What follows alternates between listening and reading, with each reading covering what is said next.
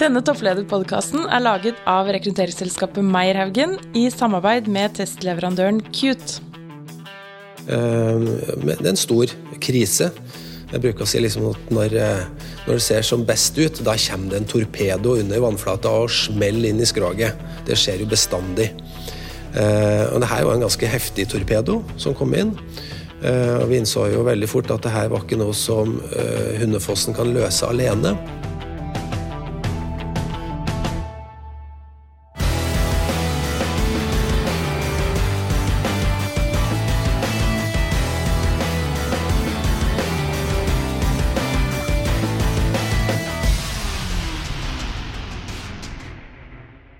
Ja, Veronica. I dag er vi så heldige at vi har en veldig spennende gjest. Ja, og vi har gledet oss veldig, Petter. I dag er vi i Hundefossen. Ja, og vi er ikke i vårt vanlige studio. Vi er i et slott. Og med oss har vi Per Arne Slape. Velkommen. Takk. Veldig hyggelig at dere vil komme hit og sitte her sammen med meg og prinsessa vår da, ja, i selveste Eventyrslottet. Ja, du, eh, og um, dette er jo litt radio, da, men vi skal legge ut noe bilde at vi sitter ved siden av en prinsesse. Hun, holder, eh, hun er ganske rolig enn så lenge, da, men vi sitter jo da i et eventyrslott. Og um, Per Arne, hvor er det du er uh, topplederen? Min, eh, min, jobb er å være konsernsjef for Hundefossen-selskapene. og Først i rekka der står jo selvfølgelig Hundefossen eventyrpark, med masse opplevelser. Eh, men vi driver også med overnattingsvirksomhet. Vi har et hotell, vi har faktisk to hotell. Eh, vi har hytta og leiligheter for utleie. Vi driver Barnas gård, Hundefossen, for dem som er glad i dyr. Og så driver vi serveringsvirksomhet og butikker. Så ja, og et par campingplasser i tillegg. Så det er ganske omfattende bedrift du er sjef for? Ja, det er blitt en uh, veldig artig sammensatt bedrift. Og så må jeg jo si at altså, er vi jo bønder, da. Rett og slett. Jeg bor jo på gård. Alt det her er bygd opp på en gård. Ja. Så kona mi er odelsjente. Uh, og jeg prøver som best jeg kan da, å kjøre noe traktor innimellom med blanda suksess. Og, men vi dyrker korn. Ja. ja så vi, vi driver med litt av hvert. Men det er jo ikke en helt sånn typisk gård. Det er jo nærmest en kongsgård, da, i tilfelle, for det er jo ganske, ganske flott her. da. Det er en gamle gård som har vært bebodd eh, siden før svartedauden. Eh, husene er heldigvis litt nyere enn det, men eh, det huset vi bor i, er faktisk delvis fra 1700-tallet. Så det er jo både artig og litt utfordrende, må man kunne si. Men du, Vi skal komme mer tilbake til selve Hundefossen, men øh, jeg tenker vi har øh, tre kjappe spørsmål. Og det er en tradisjon i denne podkasten. Og da skal vi da bare stille spørsmålene nå, og så skal vi komme tilbake til svaret på slutten av sendingen.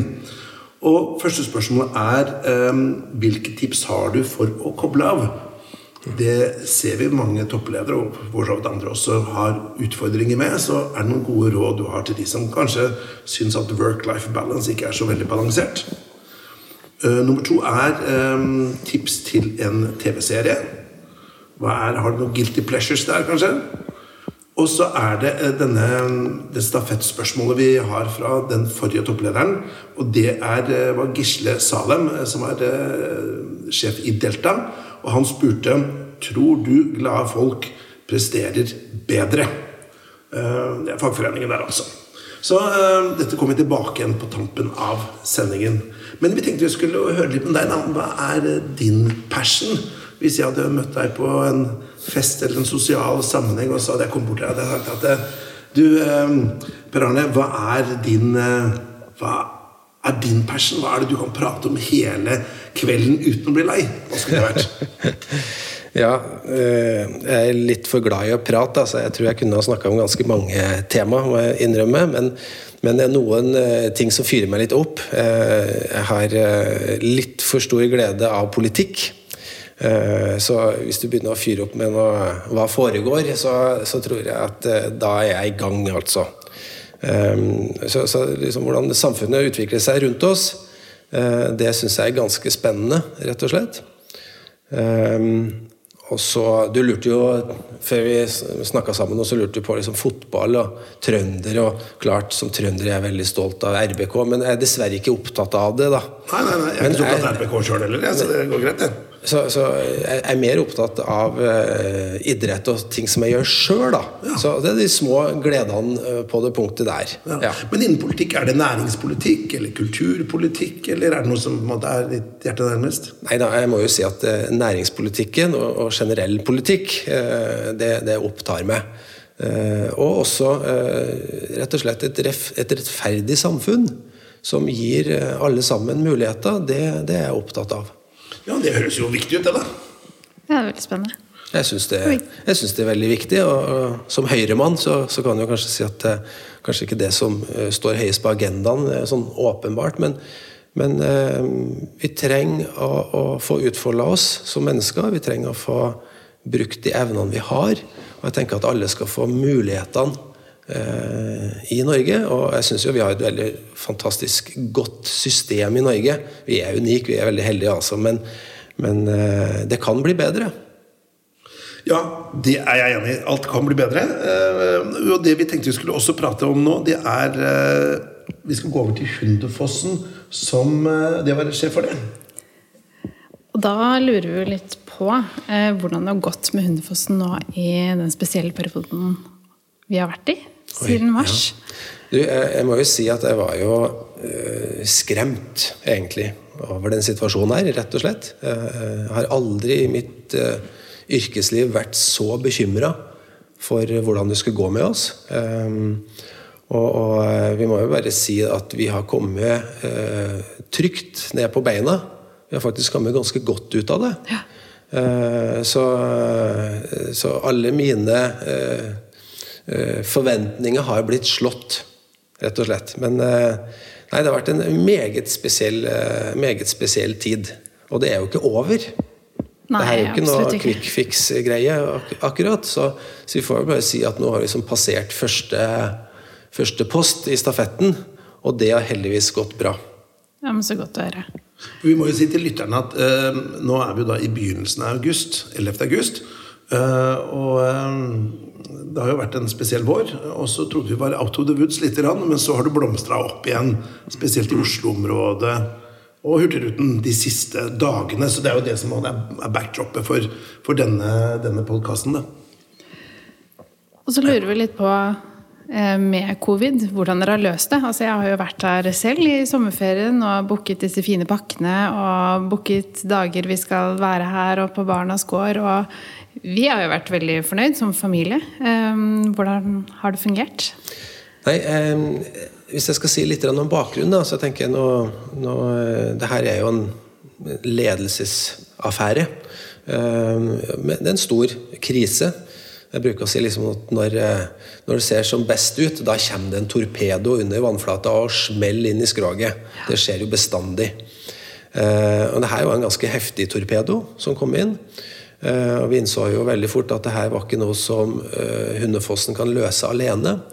Så vi, vi gikk veldig tidlig i dialog med våre konkurrenter i parkbransjen i Norge.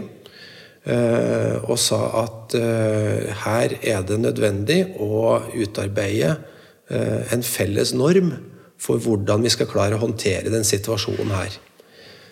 Og, på det tidspunktet så var jo det ekstremt uklart. Var det i hele tatt mulig å åpne?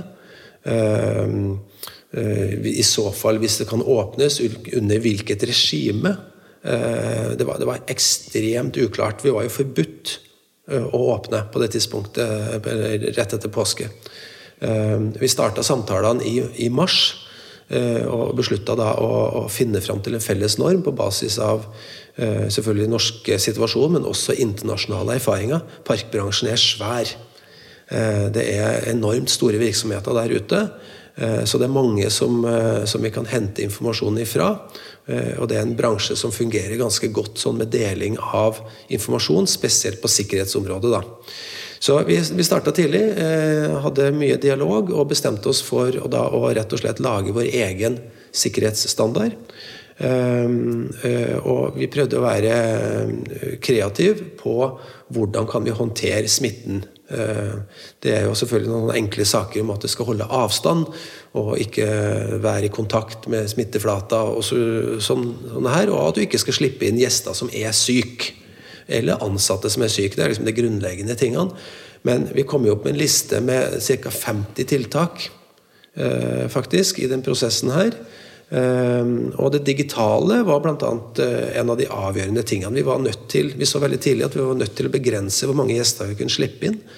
Og, og det medførte jo da at billettsalget vårt måtte gjøres på en helt annen måte enn før.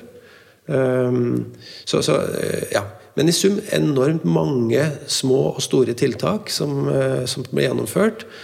Eh, og så er jo det her en, eh, det er jo en prosess. En ting er å komme fram til hvordan en skal gjøre det, men så viser det seg da, når du er i gang, at det er jo ikke alt som fungerer slik du tror.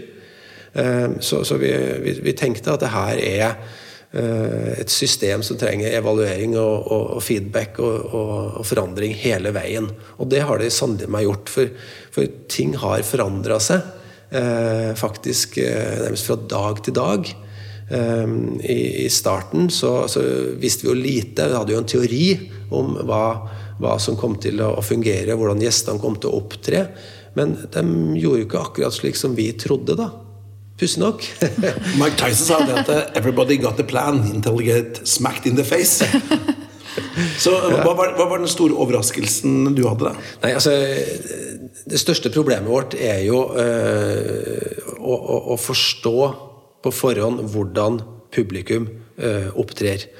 Um, for så, så, vil jeg påstå at nordmenn kanskje ikke har den beste køkulturen. Uh, nordmenn eh, Det ser vi jo tydelig i parken. at liksom, Hvis det er en kø en plass, så løper folk dit, og der står de gjerne veldig tett. Eh, så, så hvordan få formidla at det er veldig lurt å bruke de andre tingene hvor det ikke er kø. Og hvordan få nordmenn som egentlig eh, ikke er vant til å, å, på en måte opptre organisert i kø, til å stå pent og pyntelig med avstand. da. Så da ble det viktig for oss da blant annet å, å bruke barna. da. Så vi, vi landa på at, eh, at, hvis vi kan få med oss ungene, så vil det være veldig bra. Og unger liker sirkler. Det er samme som høna, forresten. altså Du kan inngjerde en, eh, en høne påstås det med å bare tegne en sirkel på bakken. Da føler den seg bundet av det. Eh, og det gjør til en viss grad også unger. Og foreldrene er her sammen med ungene. Så vi laga familiesirkler eh, istedenfor de der stripene som du ser overalt. Hold minst, hold minst en meters avstand. Vi tegna sirkler, eh, og syns det har fungert ganske bra. Men eh, la oss si torsdag 12. mars, da. Eh, da det smeller. Mm. Var du redd for konkurs? Ja, altså på det tidspunktet der altså vi, eh, Bare for å si litt om vår situasjon. Da, vi, vi er ekstremt avhengige av sommeren. Så, så, vi har normalt sett en 80 dager åpent på sommeren. Og det utgjør jo da 95% av vår virksomhet i parken, vel å merke. da. Så, så, så, det var mange tanker som gikk gjennom huet mitt da. Men jeg må jo si at den dagen så tenkte jeg at eh, ja, det her, eh, det her skal vi takle. Eh, vi kan klare å drifte under ethvert smitteregime, tenkte jeg. Det er bare spørsmålet hvor vanskelig det blir, men vi kan få det til uansett. Men jeg, men jeg fikk et sjokk, fordi at rett over elva for oss så ligger jo Hafjell alpinsenter. stort anlegg Veldig svære areal. Det er jo mye mennesker i et alpinsenter. Det er Norges tredje største. Vi er tredje største parken i Norge, så det ligger jo rett ved siden av hverandre. Men, men, men jeg tenkte at ok, friluftsaktivitet nå, det er jo det perfekte. Og så kom meldinga, eh, som virkelig rysta meg i grunnvollene, at alpinsenteret ble stengt av myndighetene. Og, og, og jeg kunne ikke forstå det. Hva kan være farlig med å gå ute på ski eh, i et enormt stort anlegg? Eh, hva i alle dager skulle være problemet der? Eh, og, det som var problemet for Hafjell og alpinsentrene, var jo ikke aktiviteten i selve senteret, men de konsekvensene som kommer av Skal du stå på ski, så skal du reise. Skal du være et sted, så må du handle. Eh, du trenger mat, du har lyst til å spise på restaurant, og kanskje noen har lyst til å, å ta seg en øl på en afterski, så, så bekymringa til myndighetene var jo de omliggende aktivitetene. Og når det da eh, gikk opp for meg at, at det var begynnelsen, da ble jeg bekymra. Fordi at Hundefossen er et sted hvor folk reiser til. Vi, I vår region så bor det jo ganske lite mennesker. altså Det er liksom ikke de største kommunene i Norge med Lillehammer, Gausdal og Øyer som omliggende. Og selv Innlandet har jo ikke mer enn 200 000-300 000 innbyggere. Så vi er desperat avhengig av å kunne få hit folk fra Oslo, Østfold, Vestfold, Vestlandet, Møre, Romsdal, Trøndelag. Altså, så, så, vi er helt avhengig av at folk reiser. Så det innså jeg brått at her er jo en kjempetrussel. Men hvis man da tenker øh, covid nå, da, så virker det som dere har fått kontroll på den. Men øh, hva vil du si er framtiden til sånne fornøyelsesparker? Hvor er man om 5 og 10 og 15 og 20 år? Hva er, liksom, hva er faren for disrupsjon i din bransje? Er det at det blir mer sånn virtual reality, eller tror du folk er interessert i det fysiske fortsatt? Ja, vi, Ingen av oss vet jo det her. Men, men vi har jo diskutert frem og tilbake de problemstillingene her, og vi har jo sett på mange virtuelle muligheter. Men jeg tror at det er ganske vesentlig at folk kommer sammen om å oppleve noe. Og vi har sett at veldig mye av de digitale opplevelsene som er i hvert fall lansert i vår bransje, ikke lykkes med det. Så det blir kanskje sammen på samme sted, men hver og en sin opplevelse. Og det er ikke like gøy. altså En, en sommerferie på tur, hvis du da reiser opp på fjellet, men, men, dere er i realiteten ikke på samme sted, så får du en ganske uinteressant felles tur. Så, så jeg tror det å gjøre ting sammen er veldig viktig. Eh, og så er det et annet moment da, som går på at eh, skal du eh, oppleve noe, så vil du oppleve noe som er spesielt. Så, så alle ting du kan gjøre i stua di, blir ganske uinteressant. Ja.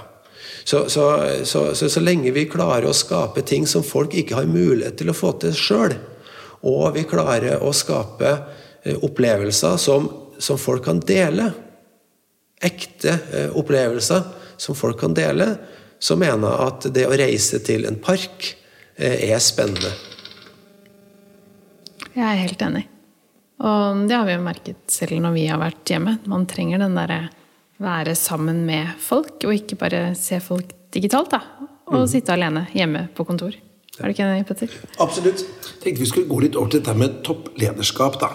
Du er jo da toppleder, eller konsernsjef. Hva vil du si er den største forskjellen med det om å være toppleder og det å være mellomleder? ja øh, Det er klart at mellomlederen eh, har jo en, øh, si, en, utsatt posisjon. da er du virkelig mellom barken og veden. Du har noen ledere og sjefer over deg som, som gjør de store beslutningene. Og så har du et enormt, en enorm kontaktflate mot dine ansatte som, eh, som, presser gjerne eh, en litt annen vei, eller gir deg helt andre problemstillinger.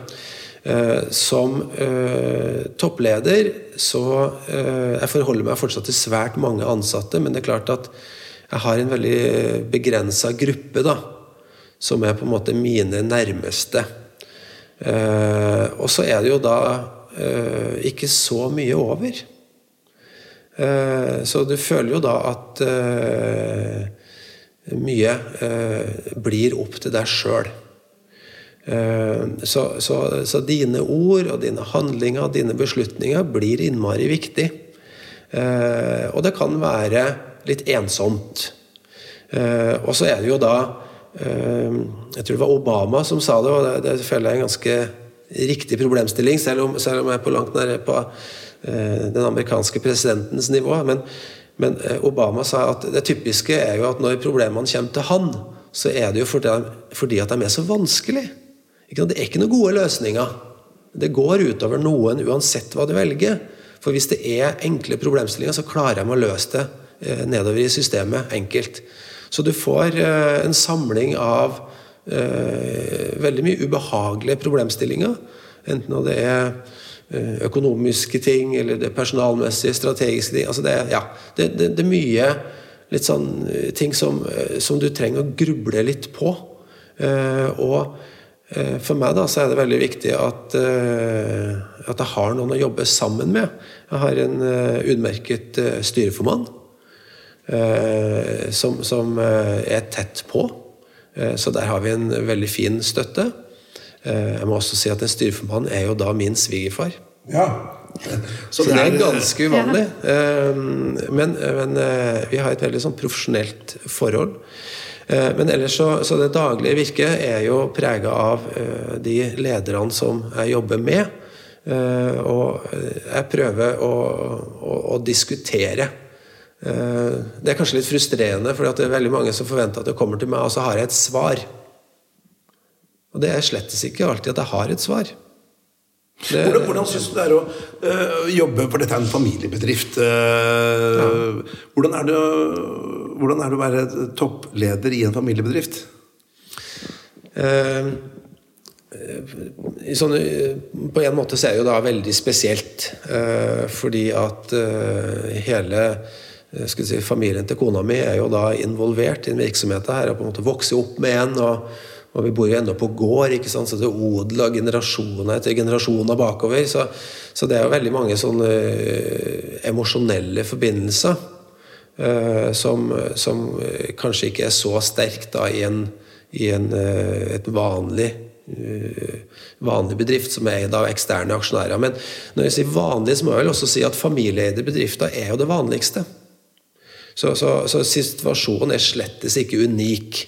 Eh, og eh, familieeierskapet gir passion.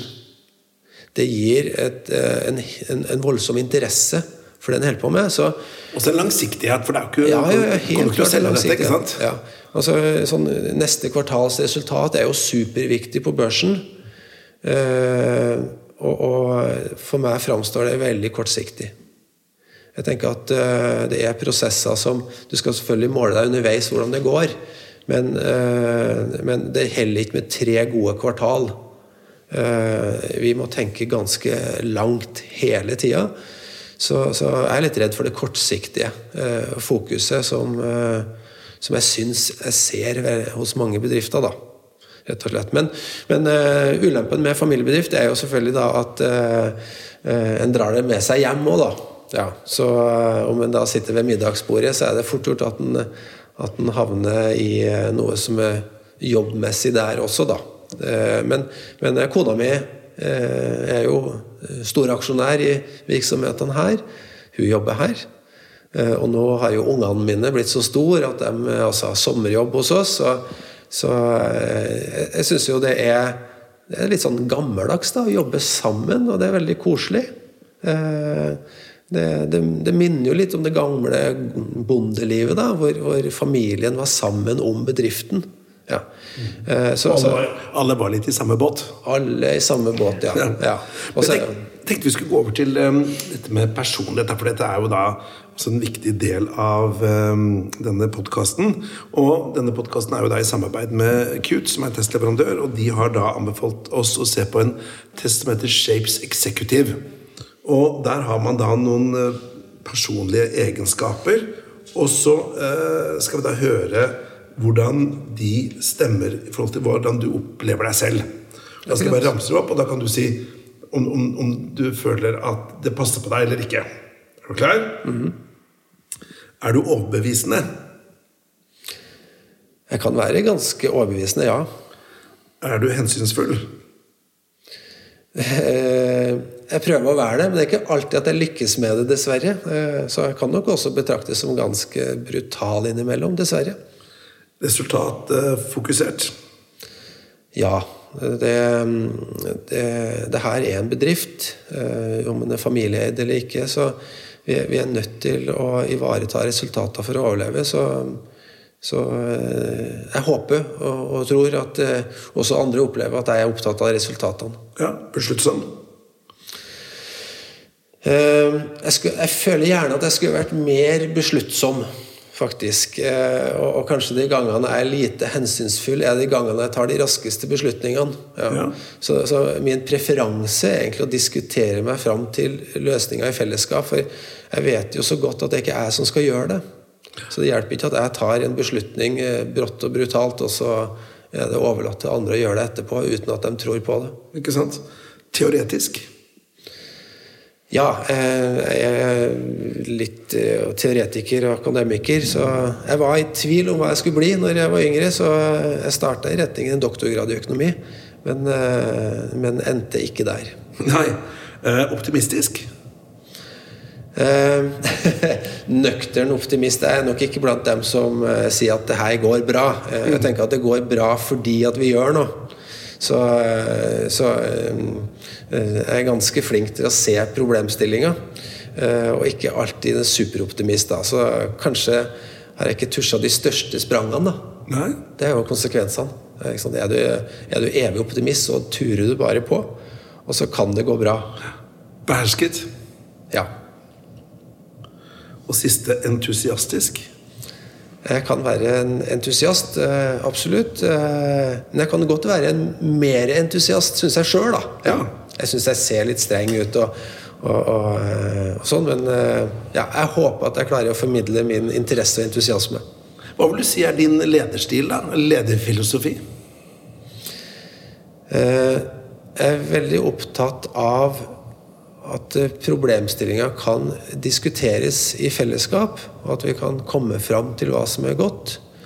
Jeg håper at jeg inspirerer mine Eh, medledere til å, å tenke sjøl og finne fram til løsninger. Eh, så, så, eh, en samarbeidslogikk rundt det er for meg viktig.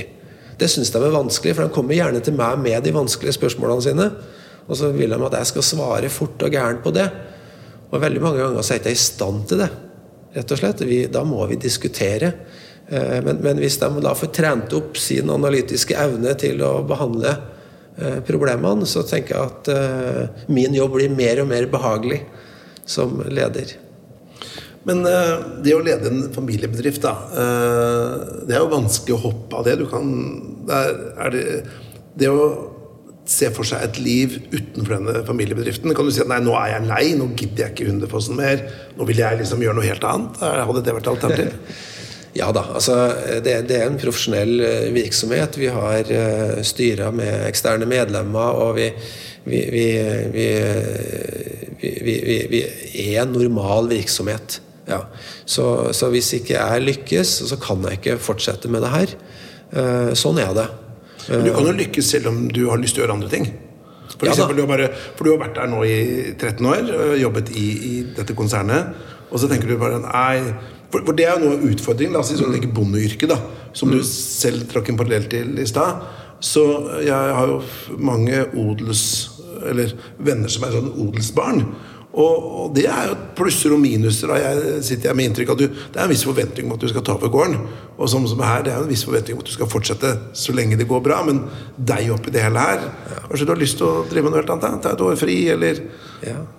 Altså, jeg er jo ikke noe offer. Altså, det er jeg sjøl som vil det her. Eh, så, så, så, jeg tenker at hvis jeg nå sier at nei, nå vil jeg gjøre noe annet, så er jeg jo ikke Det er slett ikke umulig å erstatte meg. Heldigvis. Eh, jeg tror det finnes mange dyktige personer. Kanskje finnes det noen som er bedre enn meg òg.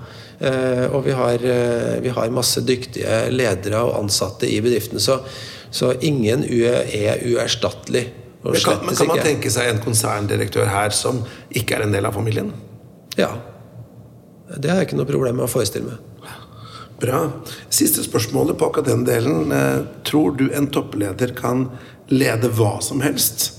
Eller er det stick to your guns? Kunne du f.eks. blitt sjef i Nav? Eller kunne du f.eks. Um, gjort noe helt annet?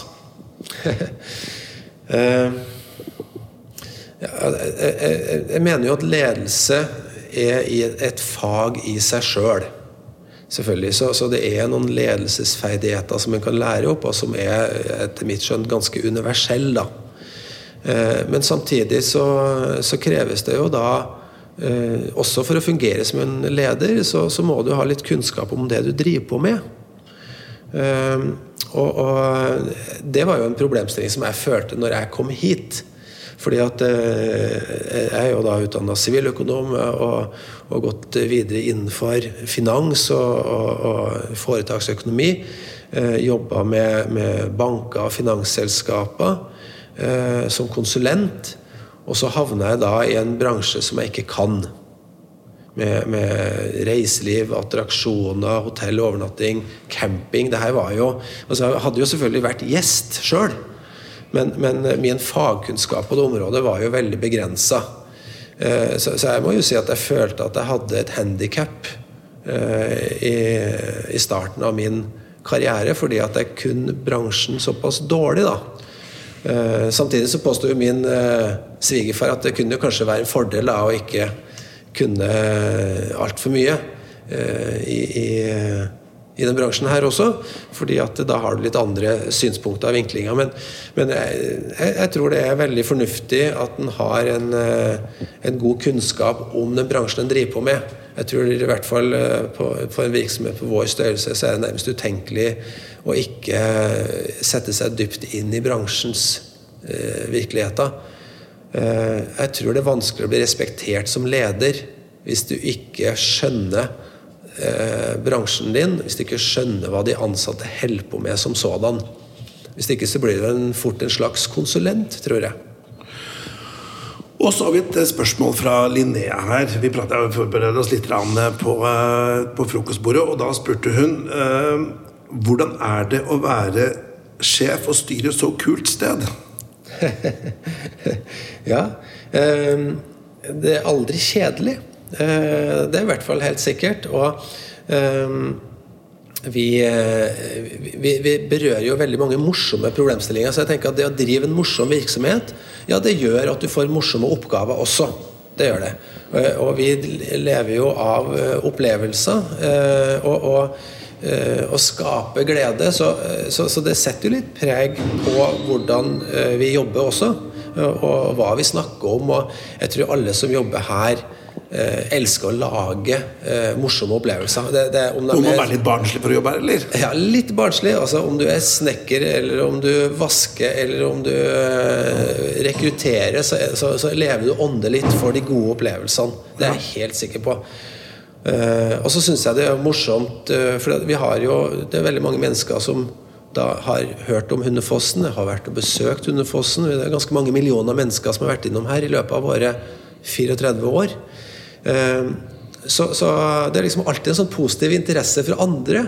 Og liksom, Der har vi vært, eller eh, det høres gøy ut, eller så. Ja, så det, eh, jeg tenker at det er mange bransjer hvor en ikke har den gleden. Du blir litt sånn eh, blass i blikket når du hører om noen sånne rare greier som du ikke aner hva er. For dette har alle et forhold til? Ja, alle har et forhold til det. Så, så, så det er jo litt morsomt. Du, Jeg tenkte vi skulle gå inn på disse tre kjappe. Og jeg håper jeg dere som har lyttet, også har tenkt litt over hva dere hadde svart. Men første var da tips for å koble av.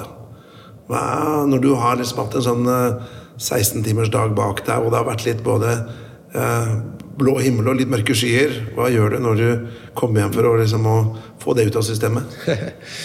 ja, altså Hvis en har en 16 timers dag, så er det jo ikke så fryktelig mye igjen av dagen. Så da trenger en jo veldig eh, ofte å sove. Altså, fra min tid i Forsvaret så lærte vi at det er noen sånne grunnleggende behov. Så, så du trenger å hvile, og du trenger å spise, og du trenger å drikke. Eh, og, og, jeg merker det på kroppen at uh, helt sånn banale ting som det må, det må en ha tid til. Hvis ikke så fungerer jeg veldig dårlig.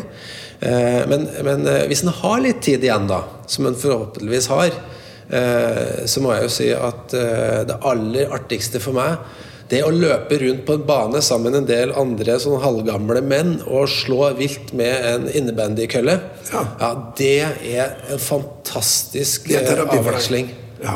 Så et eller annet fysisk, men litt konkurranseorientert. Litt konkurranse litt fysisk. Eller som trønder å kjøre et uh, distriktsmesterskap i basse. Og det, da må jeg altså- spørre hva basse er for noe. Du Vet ikke det? Nei. Jeg vet det snart. basse er jo da en, eh, en, skulle si en ballsport uten ball. Ja, eh, ballen består av en sammenknytta gjeng av oppskjærte eh, dekk fra sykkel. Sånne ringer som knyttes sammen til en, til en sånn halvhard lita kule. Og så har du hver din lille rute, og rute betyr på trøndersk at den da er rund. Eh, som du skal forsvare mot at så andre ba Ballspill uten ball og rute som er rund? Rute, en rute som er rund, ja. ja. Okay. Og, og, eh, nei, så Det er veldig artig. Det er en uh, intrikat, snedig liten sport som vi driver altfor sjelden med.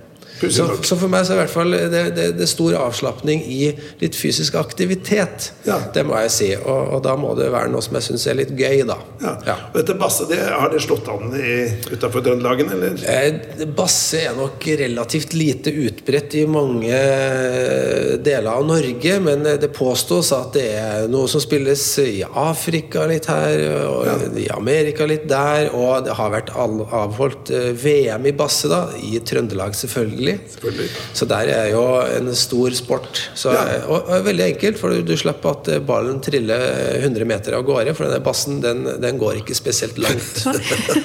Du, dette kunne vi prata Vi skal ha en hel podkast om basse senere. Ja, basse men, men du, jeg tenkte neste spørsmål Det er eh, tips for beste TV-serie. Hva, hva er din guilty pleasure? Uh, Nei, det, det hender jo seg at en ser på TV, selvfølgelig. Eh, og eh, jeg liker jo da at vi ser på TV sammen. Så min største guilty pleasure er at, eh, at vi ser på det samme. Og da er det ikke alltid så viktig for meg eh, hva jeg ser på.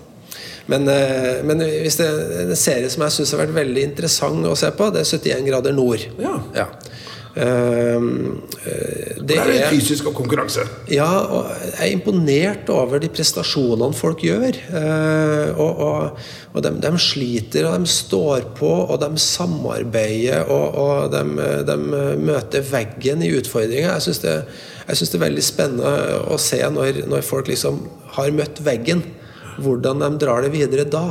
Har du blitt bevisst fått tilbudet? Du, Jeg tror ikke jeg er sprek nok til det der, altså. Rett og slett. Så, men jeg er veldig imponert over dem. Ja, ja. Eh, Og, og, og, og når det foregår på en fair måte, når folk faktisk vil hverandre godt, Ja. eh, da, da syns jeg det er et herlig program å se på.